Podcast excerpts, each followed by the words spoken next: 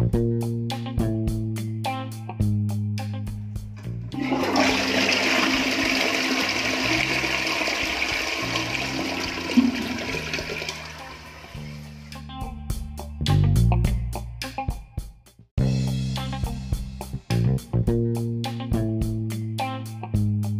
datang kembali di podcast Gugus. Kali ini saya bersama dengan seorang partner. Sebutkan namanya. Oke, selalu dengan Tia karena ini adik saya sendiri.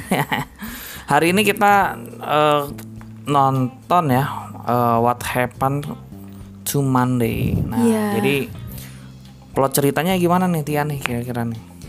Ya, di sini kita eh, diceritakan tentang masa depan dunia yang kira-kira tahun 2000 2070-an. Nah, eh, di zaman itu tuh ternyata ada masalah yang namanya over very overpopulation yang ekstrim lah pokoknya overpopulationnya. Nah, terus em, karena over banget kan populasinya, jadi pemerintah pada zaman itu membuat kebijakan kalau anak-anak eh, setiap orang tua tuh harus punya cuma boleh punya satu anak tok yang kalau misalnya ada anak yang lain an- adiknya pokoknya eh, anak yang lahir selanjutnya itu pasti akan diambil gitu sama pemerintah. Jadi itu masalahnya. Nah setelah itu eh ada satu keluarga yang ternyata tuh dia melahirkan tujuh anak kembar. Nah Tujuh anak kembar identik. Ya tujuh kembar in- tujuh anak kembar yang identik banget. Nah, eh abis itu karena karena itu tujuh anak kembarnya benar-benar identik, jadi mereka itu diumpetin gitu untuk menjadi untuk berperan menjadi satu karakter aja untuk berperan menjadi satu tokoh gitu Jadi deh pokoknya tokoh. Heeh, mereka tuh selama hidup itu bersembunyi di suatu apartemen eh, terus em, jadi memang sudah dirancang oleh kakeknya. Jadi mereka bertujuh itu hidup dengan kakeknya. Nah, mereka ini bertujuh itu dilatih sama kakeknya untuk bisa eh, kompak gitu untuk memerankan satu eh, peran sebagai manusia dalam hidupnya gitu. Jadi mereka tuh hanya boleh bisa keluar dari apartemen itu setiap Sesuai seminggu hari. sekali. Iya, jadi kan Seminggu itu ada sekali. tujuh tujuh anak kan. Nah, tujuh anak itu dikasih nama eh, sesuai hari. Sesuai nama hari. Monday, Tuesday, terus Wednesday dan seterusnya. Nah, mereka itu hanya bisa keluar keluar apartemen di hari-hari sesuai dengan namanya itu dan eh, di luar di luar apartemennya mereka itu akan berperan sebagai satu orang yang sama yaitu namanya Karen Setman. Oke, jadi eh ya ini kan keluarga Setman ini kakeknya itu namanya eh Tires Setman ya. Diperankan oleh Setman. William Dafoe. Nah, ini seorang Yuhu. kakek yang kelihatannya mungkin kakeknya ini menjadi sa- eh, salah satu tokoh yang berpengaruh pada Iya. masa itu gitu.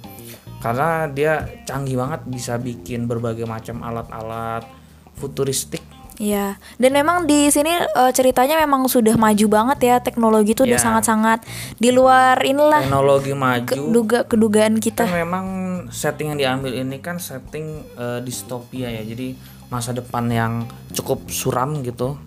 Nah di sini permasalahannya karena overpopulation itu membuat eh, bahan makanan tuh jadi berkurang kurang, gitu. bahan makanan energi menjadi berkurang kemudian bumi semakin sesak gitu. Jadi membuat eh, solusinya ya harus KB lah gitu. KB Iya, tapi, tapi satu sa- orang satu doang. orang aja gitu. Dan ya menarik ya karena saya pernah nonton film Children of Men kalau di film itu kan di Children of Men masa depan itu orang susah untuk hamil gitu. Karena ada semacam penyakit lah gitu ya eh, ada penyakit kimia gitu. Kemudian membuat orang itu menjadi susah hamil. Nah kalau di film ini orang tuh kayak mudah hamil gitu kayak tikus gitu. Sa- sekali melahirkan banyak. Nah gitu. Ngomong-ngomong soal tikus, bahkan sam eh, karena saking sedikitnya bahan makanan, jadi tikus pun dibuat jadi bahan jadi makanan, bahan dijual. Dijual di bahkan pasar. dijual. Iya. kayak gitu dan ya si setman ini eh, mem- memberi nama cucu-cucunya kan dengan nama sesuai hari ya. Jadi karena dia tuh harus istilahnya tuh harus menjadi satu karakter, satu Orang per- personal. Dia tuh harus keluar sesuai dengan eh, namanya gitu. Kalau Monday ya keluar hari Monday. eh, Tuesday keluar hari Tuesday gitu. Dengan satu karakter. Nah, cara mereka menyambung antara satu dengan yang lainnya tuh ada semacam memang teknologinya udah maju. Nah, salah satu teknologinya tuh yaitu gelang ya. Iya. Jadi si kakeknya itu bikin gelang. Jadi gelang itu memang harus ada sebagai identifikasi kalau ini nih manusia legal gitu. Iya. Yang nggak punya gelang itu berarti dia ilegal. Ya jadi kalau mau masuk ke suatu tempat pada zaman itu tuh akan dicek gelang ini ini tuh eh, apa namanya warga negara di sini apa bukan kayak gitulah. Nah, gelangnya itu dimodifikasi kayak semacam dikasih kamera gitu. Sehingga nanti yang Monday apa yang si Tuesday-nya belajar dari si Monday nih. Jadi dari rekamannya itu oh saya harus ngapain ngapain ngapain. Iya, jadi setiap hari sama-sama tahu Tapi ngapain aja. Wal- walaupun si setman ini kembar identik, mereka tuh punya kepribadian yang beda-beda. Nah, iya itu menarik. Salah satu adegan yang luar biasa tuh di awal itu yang siapa ya Wednesday atau Wednesday ya hari Yang Rabu apa? ya yang dia main itu. Oh, Thursday. Ah? Itu yang Thursday. Oh, hari Kamis. Heeh. Oh, ya yang dia itu main skateboard terus Di hari yang bukannya dia udah keluar. gitu udah main skateboard bukan di harinya dia gitu udah ngeyel terus dia jatuh dari eh, skateboardnya itu tangannya jarinya putus nah sebagai konsekuensi karena mereka harus menjadi satu person ya udah teman saudara-saudaranya yang lain harus diputusin juga jarinya gitu. Iya, Itu dengan cukup sengaja jadi terpaksa. istilahnya tuh cukup disturbing juga sih di poin itu saya ngeliat sih ada beberapa perbedaan tuh yang di YouTube sama yang di aslinya kalau yang di YouTube itu eh si si yang main skateboard itu si Kamis ya hari Kamis ya. Si hari Kamisnya si itu Thursday. tangannya nggak putus sebenarnya. Jadi masih gantung kan jarinya tuh masih gantung-gantung gelayutan gitu. Agak setengah putus gitu. Kayaknya agak saking disturbingnya kemudian diedit kayaknya ya. Jadi putus beneran ya. Jadi lebih jijik yang di YouTube. Kalian bisa nonton di YouTube. Trailernya. What Happened? To Monday. to Monday. Nah. oh ya sutradaranya itu eh, bernama Tommy Wirkola. Nah ini sutradara yang kayaknya memang biasa sih bikin film-film gore gitu. Dia dari kalau nggak salah Swedia deh. Sutradara Swedia termasuk sutradara baru sih kalau untuk apa namanya eh, menyutradari oh sorry Norwegia. Nah ini lahir Alta Norwegia. Nah terus eh, penulisnya Max Botkin dan Kerry Williamson. Ini juga kayaknya penulis baru nih. Tuh kita bisa nonton film ini di Netflix. Jadi salah satu film yang nggak ada di bioskop tapi ada di Netflix gitu. Jadi salah satu filmnya Netflix. Nah hal apa nih yang bisa kita dapetin dari oh ya kalau penokohannya ada The Setman siblingsnya nih ya eh, saudara-saudara Setmannya Nomi Repace. Repace cara bacanya gimana nih? Gak tahu. dia ini pokoknya bagus tahunnya dia sebagai pemainnya The Girl with Dragon Tattoo gitu. Terus si kakeknya itu William Dafoe ya salah satu artis terkenal juga. Yang sempat terakhir tuh ya dia main di Aquaman. Kemudian eh jadi ada ahli biologi yang dia mencalonkan diri jadi presiden gitu Mm-mm. namanya Nicole Kidman. Nah ini diperankan oleh Glenn Close. Gitu. Terus ada pacar dari salah satu Salah satu siblingsnya itu, siblings yaitu Adrian Knowles. Nah Adrian Knowles itu sebenarnya dia kayak tentara gitu ya.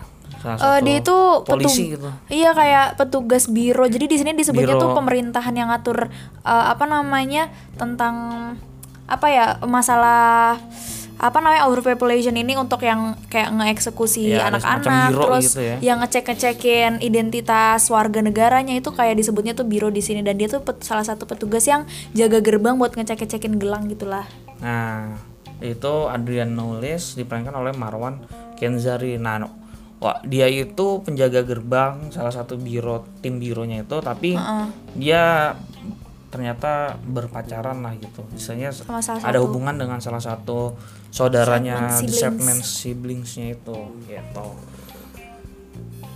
Hal yang menarik adalah konflik konfliknya tidak tidak hanya terfokus dari overpopulationnya sendiri, tapi suatu hari si Mandenya itu si hari Seninnya itu Hati-hati.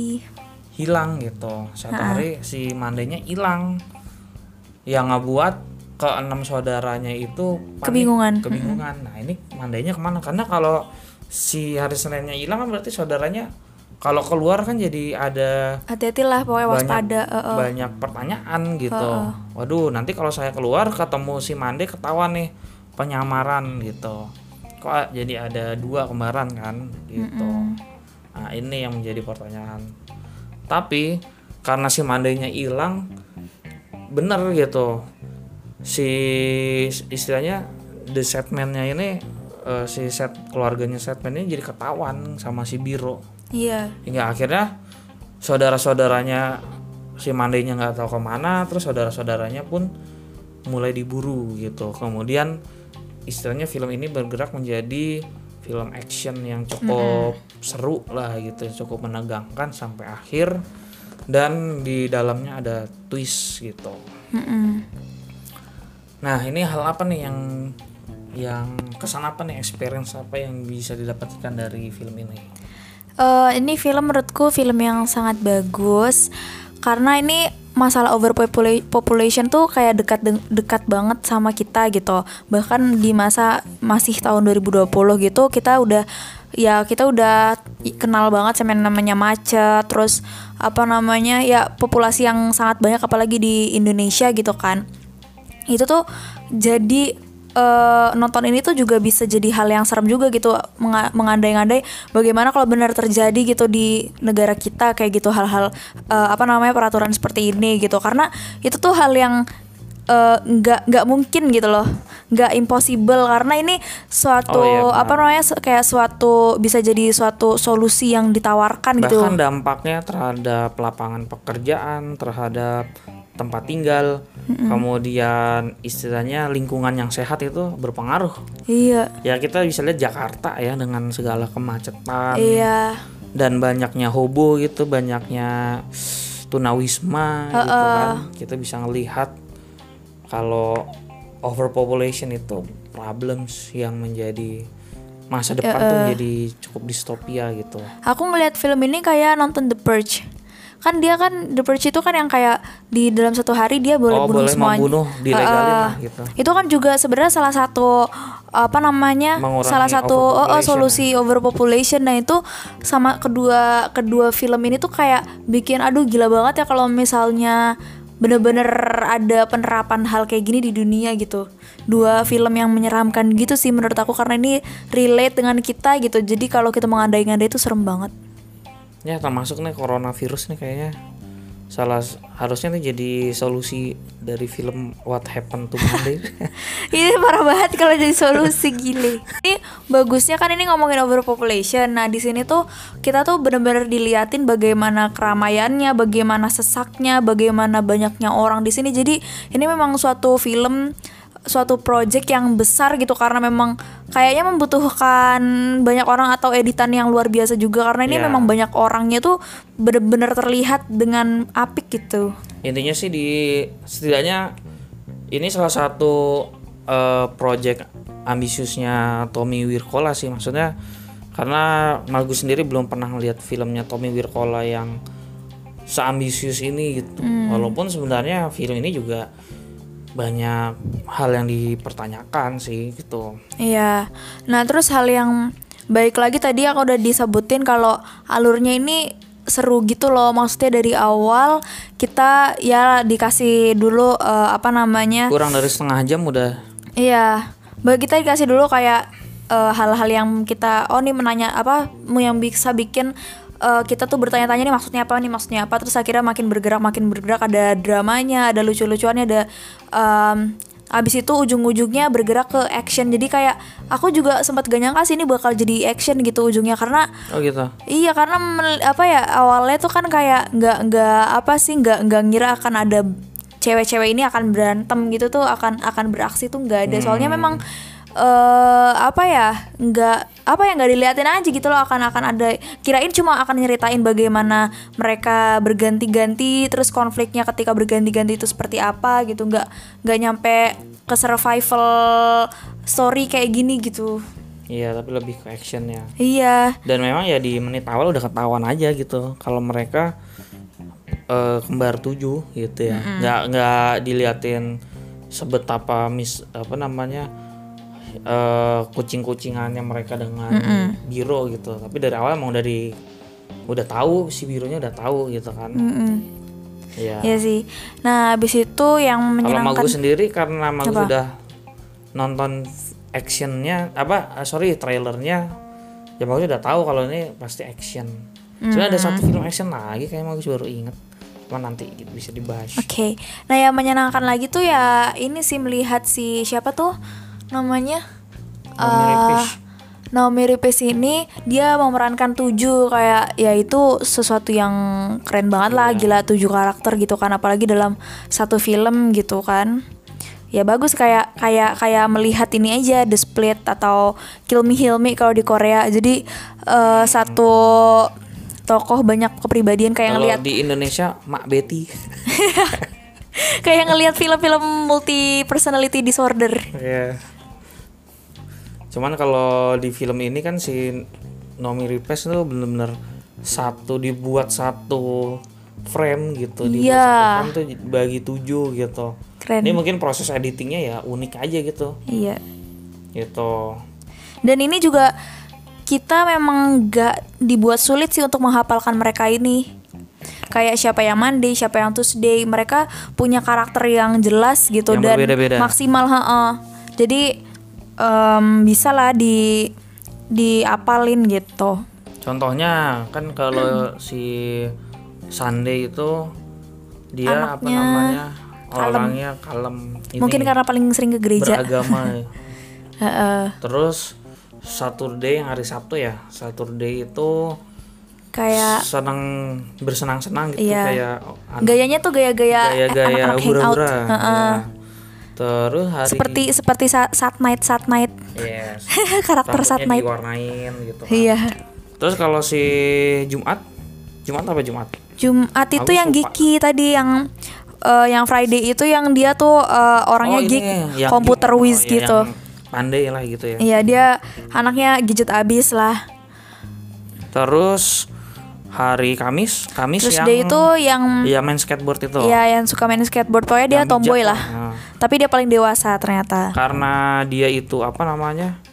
Karena dia ngelihat dia tuh bersalah kan masa kecilnya punya traumatis. Kayaknya jadi, yang- jadi uh-uh. dewasa lah gitu. Nah Jadi terus dewasa. uh-uh. Kamis. terus Wednesday. Nah Wednesday itu yang tomboy. Rabu, Rabu tomboy. Dan fearless dia paling kayak tanpa berani takut. gitu. ya. Terus Selasa. Tuesday, Selasa. Dia Selasa itu ini apa ya? dia lebih ke apa namanya kalem juga sih tapi dia ini yang paling khas banget adalah rambutnya rambutnya merah Oh iya rambutnya merah ya. Heeh. Kalau Selasa ini nggak terlalu diceritain ya. Nggak terlalu banyak diceritain sih cuma kita gampang ngapain karena rambutnya merah Cek.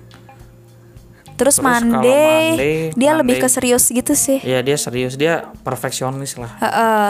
Karena dia kan dia seorang kakak kan. Iya di sini kan ceritanya tuh Monday itu ya anak yang paling awal lahir terus Tuesday yang kedua dan kelanjutannya kayak gitu Monday itu kan juga yang get promotionnya kan si Monday itu yang iya yang dia tuh berusaha untuk mendapatkan promosi di perusahaan oh, oh. tuh. Oke. Terus kalau dari Mas Gus sendiri sih, kalau dari saya sendiri hal yang positifnya ya tadi perannya Nomi Repes ini luar biasa. Kemudian actionnya seru. Terus actionnya seru. Terus habis itu efek-efek gore-nya sama efek-efek yang membuat film ini ratingnya harusnya 17 plusnya nih benar-benar dieksplornya nggak pakai pakai saringan Parah sih ini. Gitu, Semuanya luar vulgar, actionnya gitu. lah, apanya lah semuanya. Maksimal. kecuali kata-kata jorok aja sih kayaknya nggak ada sih di sini ya Oh iya ya. iya kayak nggak nggak ada kata-kata kasar sih Soalnya di sini ceritanya dia eh, orang ini enggak sih dia kayak petugas bank gitu kan. Jadi terbiasa formal gitu. Iya. Terus yang dia apa namanya? Yang ngobrol yang ngobrol sama dia lingkungannya dia itu orang-orang pejabat semua. Jadi eh, apa namanya? gaya bicaranya ya gaya bicara orang-orang kelas atas gitu loh yang yang lebih se- ke serius gitu. Terus apa ya cara ya istilahnya cara sutradaranya mau bangun ketegangan dari film ini ya cukup cukup menghibur lah. Maksudnya untuk sebuah film action hiburan nih dapat banget.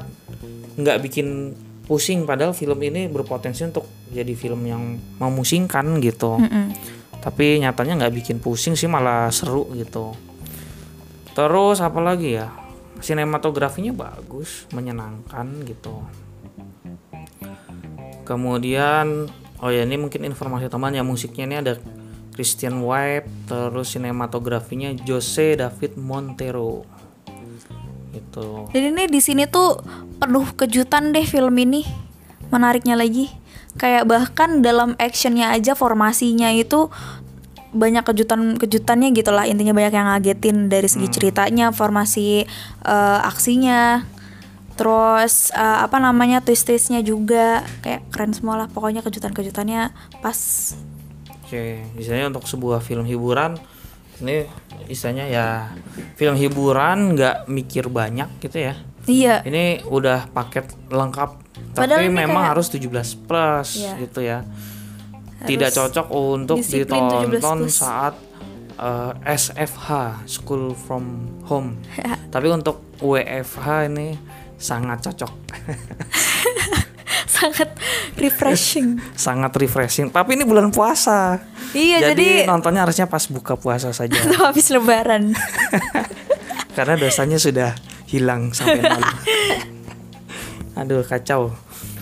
Nah ini kebaikannya, terus apa nih kejelekannya? kekurangannya, Ada kekurangannya? hmm, paling ini sih eh, jadi ada satu dialog yang cukup mengganggu ya jadi si Cayman-nya itu yang apa sih kayak semacam presiden yang lagi kampanye ya Oh iya ya. Nah dia ini em, bik- apa dialognya itu jangan meremehkan Setman gitu keluarga Setman ini gitu karena kan ceritanya ini mereka lagi melakukan pengejaran kan ke keluarga Setman ini dan dia tuh mewanti-wanti tolong jangan eh, meremehkan si Setman inilah. Nah di sini tuh gak ngerti aja gitu kenapa harus seperti itu padahal gak diceritain kalau misalnya Setman itu siapa? Iya gitu nggak ya. diceritain si Setman itu tuh keluarga macam apa, backgroundnya seperti apa, dulunya ada eh, apa namanya kelakuannya tuh seperti apa gitu kan. Terus hubungannya dengan si Cayman ini apa gitu kayak sebelumnya tuh nggak diceritain gitu loh betapa pentingnya dan betapa hebatnya si Setman ini gitu. Cuma langsung diceritain kalau ya ini Orang penting gitu. keluarga yang eh, eh, Jangan, ya gitu deh, jangan diremeh. jangan diremehkan Nah, tapi nggak ada ceritanya lah hubungan si Cayman ini dengan ini bahkan kami apa nggak ngira gitu loh kalau si Cayman ini kenal sama si keluarga Setman ini gitu jadi dengan adanya dialog itu jadi seakan-akan oh dia dia tahu banget nih sama eh, tentang keluarga ini kayak udah kenal gitu sebelumnya padahal nggak diceritain Iya. Kalau kekurangannya kalau dari aku sih sebenarnya film ini nggak nggak terlalu mengeksplor istilahnya nggak terlalu meng istilahnya eksploratif ya. Jadi film ini terlalu alur maju gitu, tapi kurang alur eksploratif tentang kekacauan yang ada di terjadi di dalamnya gitu. Iya nggak terlalu yang penting action aja gitu alur maju action tapi nggak terlalu diliatin oh dunianya sekacau ini nggak diliatin Iya. oh di sini banyak pengangguran terus banyak yang misalkan mati kelaparan atau gimana. Nggak terlalu dijelasin juga biro bironya itu kedudukannya di pemerintah tuh semenakutkan apa gitu. Iya sih terlalu mementingkan konflik ini dan penyelesaiannya gitu. Ya lebih kayaknya menit by menit yang terjadi di film ini lebih istilahnya lebih ke alur maju gitu ke alur linear actionnya sih Iya. gitu Sebenarnya ada kayaknya cuma satu doang deh alur mundurnya dia lagi flashback itu. oh iya sih Tapi permasalahannya menurutku itu flashbacknya yang cuma satu itu tuh tidak membantu, tidak memberi sesuatu Dan- yang oh iya sih. informatif. bahkan di situ ada twistnya tuh pokoknya twistnya tuh ada sosok yang mati yang meninggal gitu pokoknya kalian nonton sendiri lah tapi ada reasonable-nya tuh kalau aku sendiri bingung sih Iya, kenapa dia sampai melakukan hal itu gitu iya, itu nggak nggak nangkep sih sebenarnya.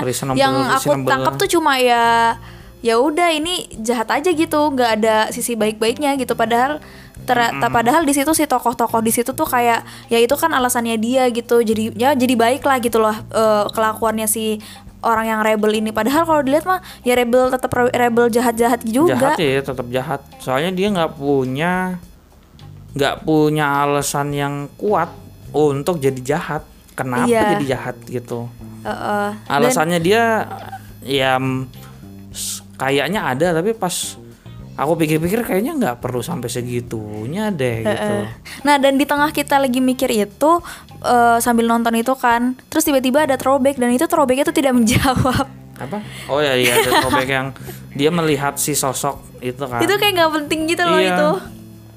bahkan tuh sosoknya itu ngilangnya kenapa apa meninggal Iya. atau apa apa dibunuh Iya cuman ini doang kan kamu harus menjaga gitu kan kamu itu, harus ha. menjaga ini ini gitu tapi maksudnya tuh kenapa harus jadi jahat sih gitu Iya. kenapa kamu jahat gitu Eh, eh. itu aja alasannya tapi eh, ya sebenarnya sih itu fatal sih sejujurnya itu fatal karena ya itu Hal-hal yang disebutkan tadi Pak. itu kan sesuatu yang menjadi film itu ceritanya bagus atau enggak gitu tapi actionnya udah terlanjur bagus banget sebenarnya Soalnya ini adalah konsep yang menarik gitu loh masa depan yang seperti ini tapi sayangnya tidak eksploratif jadi eh, kurang apa ya kurang jelas aja gitu kurang asik aja gitu padahal ini konsep yang asik tapi karena nggak detail jadinya ya kurang dan sebenarnya kurang puas gitu. sebenarnya kita itu bisa nebak twistnya sih dan Hmm. bener gitu Oh. iya sih. oh Tadi ini sempat- kayaknya twistnya akan begini nih gitu Iya. A- akan nanti Ada beberapa petunjuk begitu. yang- iya yang terlalu mudah ditebak gitu jadi seperti itu Tapi kalau aku sendiri lebih ke ini sih, aku jadi apa namanya? Bu, ya bukan kekurangan sini lebih kayak menyayangkan aja nggak tahu kenapa lebih kepo ke bagian ketika mereka tuh gonta-ganti gitu loh berperan sebagai orang yang sama dengan cara yang tapi nggak gonta-ganti. di ini ya nggak diliatin aduh Iya, aku lebih lebih tertarik ke situnya sebenarnya. baru ke Monday terus ke Tuesday-nya ya Iya, gitu doang. di sini tuh kita nggak akan ditunjukin soal itunya gitu kan. Kita di sini ya ditunjukin bagaimana mereka survive, bagaimana mereka mencari si Monday itu gitu kan. Karena tapi malah yang bikin orang ya aku kepo tuh malah lebih ke itu bagaimana cara mereka hidup berganti-gantian terus gimana ketika dia masa remajanya bahkan aku tuh sampai penasaran ke situ karena Hmm. ya pokoknya itu tuh lebih seru lah daripada konflik yang diceritakan di sini menurutku bahkan berharap banget kalau misalnya ada film lain yang menceritakan hal yang sama tapi lebih explore ke kehidupannya gitu bukan Hmm. bukan konflik-konflik ke actionnya ya. yang eh, eh, kayak gini ya jadi seperti itu jadi ceritanya cuman oh yang muntah-muntah itu kan si Sunday ya? Iya. Eh kau ini kamu muntah-muntah di taman Iya. apa di tanaman gitu. iya. Ya gitu jadi paling tokohnya yang si Setman yang jadi satu orangnya cuman dari Sunday ke Monday Monday ke Tuesday. Udah selesai lanjutannya action gitu. Heeh. itu sayang banget sih sangat sayang gitu. Tapi kadang-kadang suka ada film kayak gitu deh. Misalnya eh, tokoh pentingnya itu terlalu banyak. Jadi nggak diceritain semua gitu nggak sempat diceritain semua. Dan itu tuh hal-hal yang kayak gitu tuh kurang menyenangkan sebenarnya. Ya berarti ini harus belajar penyutradaraan eh, tokoh banyak dengan ini Russo Brothers eh, Widih. yang bikin film Avenger Avenger Endgame.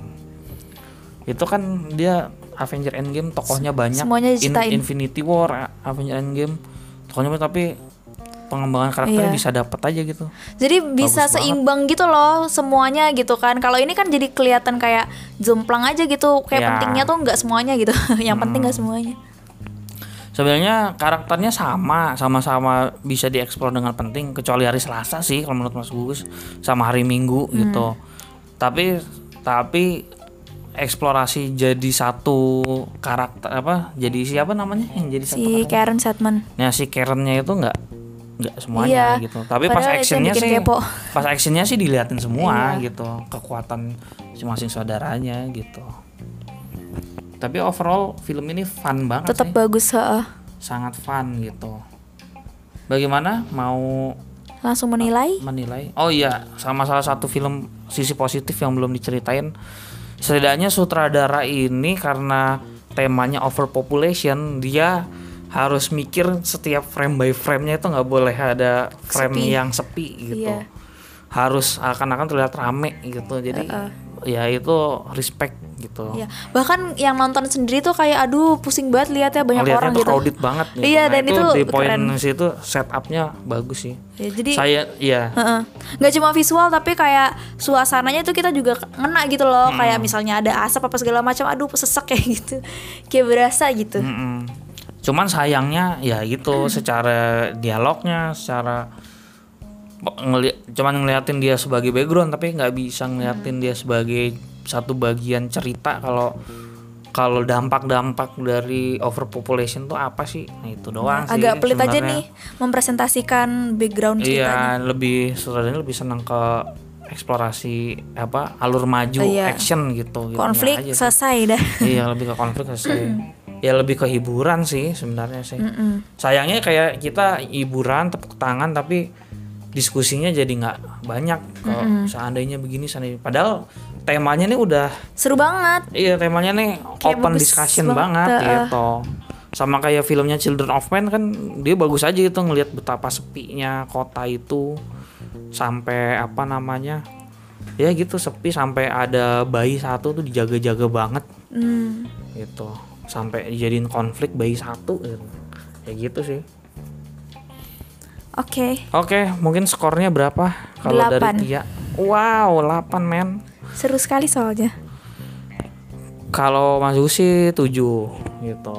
Tapi kalau dari Rotten dan IMDb tengah-tengah sih 6 IMDb itu 6,9 kalau Rotten itu kritikannya 57% audience skornya 67% tapi untuk sekelas apa namanya Rotten film begini 57% sih udah luar biasa sih. Karena banyak film-film blockbuster yang istilahnya blockbuster yang artis terkenal banyak actionnya luar biasa itu nilainya bisa 17% 20% gitu. Oke ada lagi yang ingin disampaikan? No Oke, sampai di sini dulu ya gitu deh. Sudah malam akan sahur. Silahkan nonton bagi yang ingin hiburan tapi saran saya habis buka puasa karena dan kalau perlu pintunya dikunci gitu. Karena ada adegan tidak menyenangkan. Oke, selamat malam. Bye bye.